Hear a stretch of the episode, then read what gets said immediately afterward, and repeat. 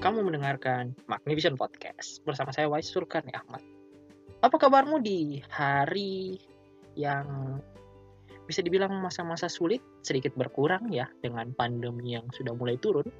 Indonesia yang rasio kematiannya sudah di bawah standar WHO dan kemudian kasus harian juga berkurang.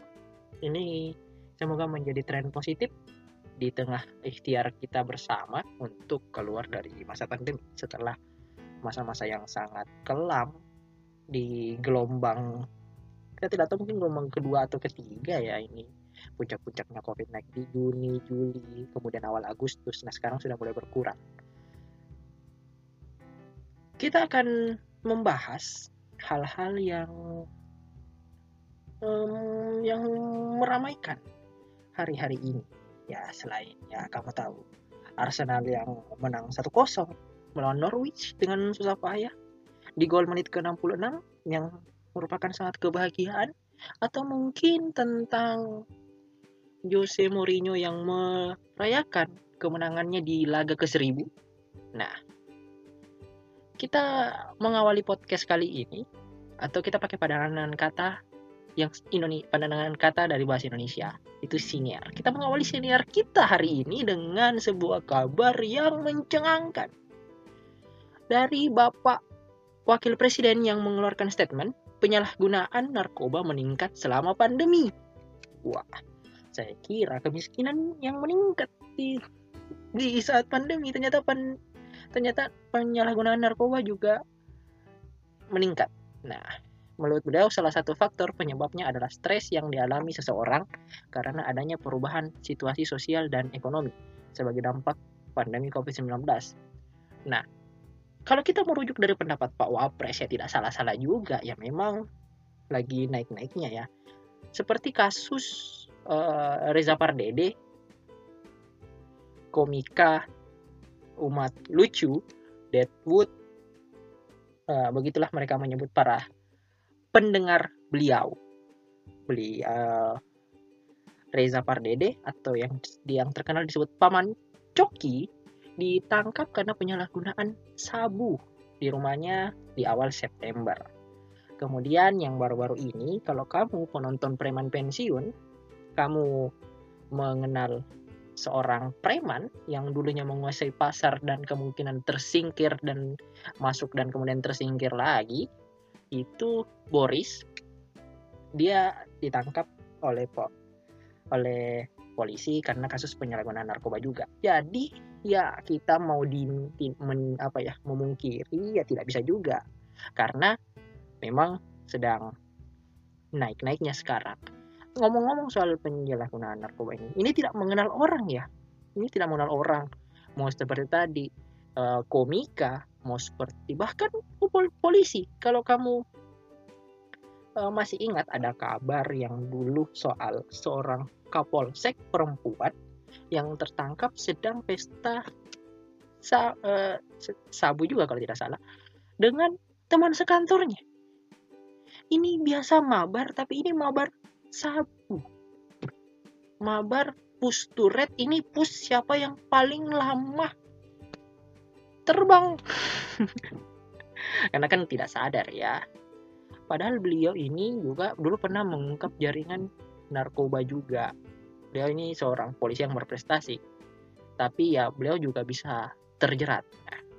Eh, saya belum update bagaimana bagaimana kabar beliau sekarang ya. Yang terbaiklah dari beliau. Semoga beliau bisa um, sembuh dari adiksinya. Kemudian seperti juga dengan uh, Paman Coki ataupun dengan uh, Kang Boris, preman pensiun. Nah, narkoba ini sudah menjadi masalah yang bagaimana ya, Ti? Sudah menjadi masalah yang sudah lama dan tidak tidak pandang bulu mau kaya mau miskin. Ada yang bilang uh, mungkin ini narkoba ini cuma menyerang orang-orang elit. Nah, orang-orang di kalangan bawah juga banyak lah. Mungkin populer lah. Kalau orang tidak bisa dapat sabu ya mabok lem mungkin mabok lem. Itu juga tipis-tipis lah samanya. Nah tapi tahukah kamu narkotika itu adalah suat kalau kita merujuk dari pengertian yang dihadirkan oleh Badan Narkotika Nasional Republik Indonesia, narkotika adalah zat atau obat yang bersifat alamiah, sintetis, atau semi sintetis yang dapat menimbulkan efek penurunan kesadaran, halusinasi, dan serta daya rangsang. Daya rangsang ini ya kalau mungkin Anda tidak sudah sudah tidak peka lagi. Mati rasa mungkin kamu ya. Dibilang waduh mungkin ini. Tapi jangan langsung dituduh juga ya misalnya teman anda ini. Oh, kenapa chat saya tidak dibalas? Apakah dia punya narkoba ya tidak juga dong. Ya mungkin kotanya habis. Atau mungkin lagi cedera jempol mungkin. Nah itu. Ya kita tadi adalah berkurangnya daya rangsang. Nah pekanya mungkin agak kurang ya nah pecandu narkotika. Nah, ini ini ini mungkin turunannya, bukan mungkin lagi. Ini ini memang turunannya orang yang uh, ketika narkotika pasti ada pecandu. Karena tadi menyebabkan efek kecanduan. Nah, pecandu narkotika adalah orang-orang yang menggunakan atau menyalahgunakan narkotika dan dalam keadaan ketergantungan pada narkotika baik secara fisik maupun psikis. Nah, kita melihat ini. Tahukah kamu bahwa di dalam sejarah kita pernah kita pernah mengalami dunia pernah mengalami suatu peperangan yang tidak bisa dibilang kecil lah. Ini berawal di daratan Tiongkok di dinasti Qing ketika dia mengalami masa-masa yang sedang apa jaya-jayanya lah dari segi perdagangan, ekonomi bagus. Karena mereka sudah bisa uh, ekspor ke luar negeri dengan komoditi-komoditi yang ada di daerahnya. Tetapi perbedaannya ini mereka ini cuma menjual keluar tetapi tidak menerima barang dari luar. Is ekstroport mungkin ya, Tiongkok lagi ekstroport. Nah. Nah, pada saat itu Inggris ini ingin ingin ingin masuk ke pasar Tiongkok. Nah, akhirnya dia menyuplai namanya opium. Opium ini adalah bahan untuk membuat candu. Ya, candu ya kalau kita bisa bilang sekarang ya narkoba. Nah, itu disuplai oleh Inggris. Nah, akhirnya beberapa masyarakat pertama satu dua asik nih. Kok kerjaku jadi lebih giat?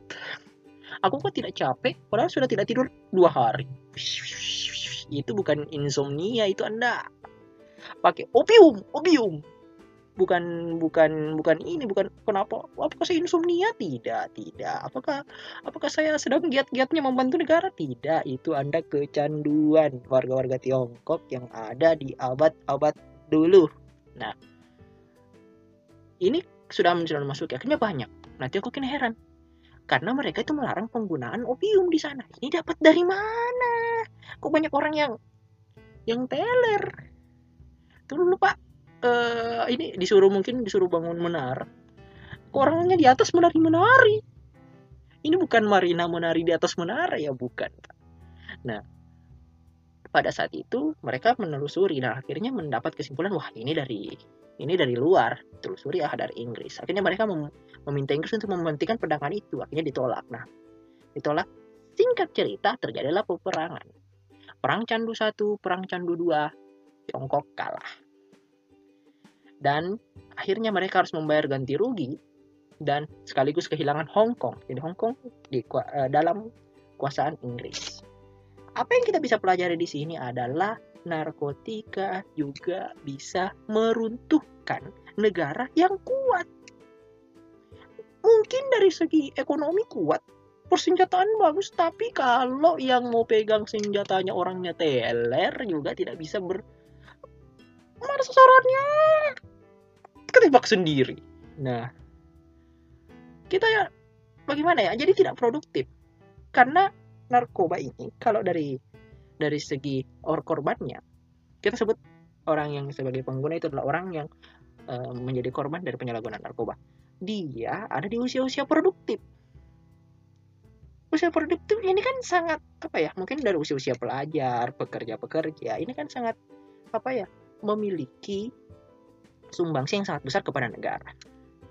Contoh kasus sekarang ya di tengah di tengah ini ya, uh, saya tidak tahu apakah ini azab bagi MU yang adminnya, admin sosial medianya itu sangat sangat jumawa ketika mereka ya kedatangan Cristiano Ronaldo lah gitu kah dia go home. Cristiano Ronaldo pulang. Nah di saat dia pulang MU kembali. Artinya beberapa pertandingan menang dan lain akhirnya di eh, di pertandingan UEFA dia kalah 1-2 dari ini. Dia sempat waktu gol pertama ya, dia bilang, MU nih senggol dong. Wah, kalah 2-1. Tetapi sekarang sedang dalam penyelidikan kasus itu, tapi belum ada kabar terbaru. Sampai dengan podcast ini dia diambil bahwa diduga yang Boys klub yang dilakukan oleh MU menggunakan doping. Doping ini adalah sejenis narkoba juga. Nah, bisa dibayangkan hasil hasil yang diambil, yang direngguh, diperjuangkan mati-matian oleh Young Boys untuk mengalahkan MU di Liga Champions itu terancam dianulir dan diulang pertandingannya dan mereka berpotensi dilarang ikut di kompetisi itu lagi karena penyalahgunaan narkoba. Bisa dibilang narkoba ini ya hampir tidak ada manfaatnya. Nah, kita melihat sekarang kerugian negara. Negara juga dirugikan. Dari sumber BNN mengatakan bahwa negara rugi sampai berpuluh-puluh triliun, Pak. Persisnya itu 72 triliun, lebih besar dari kasus dari kerugian negara akan korupsi yaitu 31 triliun per tahun angka ini diungkapkan oleh Kepala Badan Narkotika Nasional yang dijabat oleh Komjen Paul Heru Winarko. Nah, rugiannya lebih besar dari narko, lebih dari besar dari korupsi loh. Korban jiwanya 30 sampai 40 orang per hari mati. Terorisme itu 80 orang ah, mati per hari. Korbannya di seluruh dunia. Kalau di Indonesia itu hampir setengahnya. Nah, besarnya dampak narkoba yang hadir ini harusnya meyakinkan kita bahwa dana 70 sekian triliun itu bisa dialokasikan atau bisa berputar lah ke ke sektor yang lebih baik, sektor ekonomi lebih baik dibandingkan untuk narkoba. Sekian persennya lebih besar kapasitasnya untuk pembelian narkoba dan sisanya untuk rehab dari, untuk untuk pengobatan orang-orang yang candu ini. Nah, itu Eh, dari segi faktor yang mengakibatkan mengapa mereka bisa terjerat narkoba. Itu pertama karena ada sifat manusia yang penasaran dan adanya tekanan manusia. Nah, kurius bagus, kepo bagus, tapi kalau soal narkoba tidak usah kepo. Ada ada hal yang kita itu tidak perlu tahu.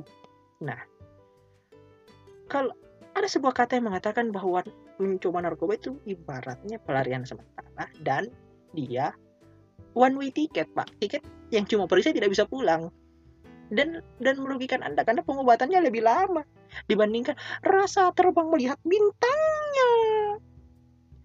Nah, dari segi dapat tekan, kita harus menyadari juga tidak tidak semua orang kita bicara soal korban ya bukan soal bandar. Kalau bandar mah itu harus dipasung bandar itu dipasung.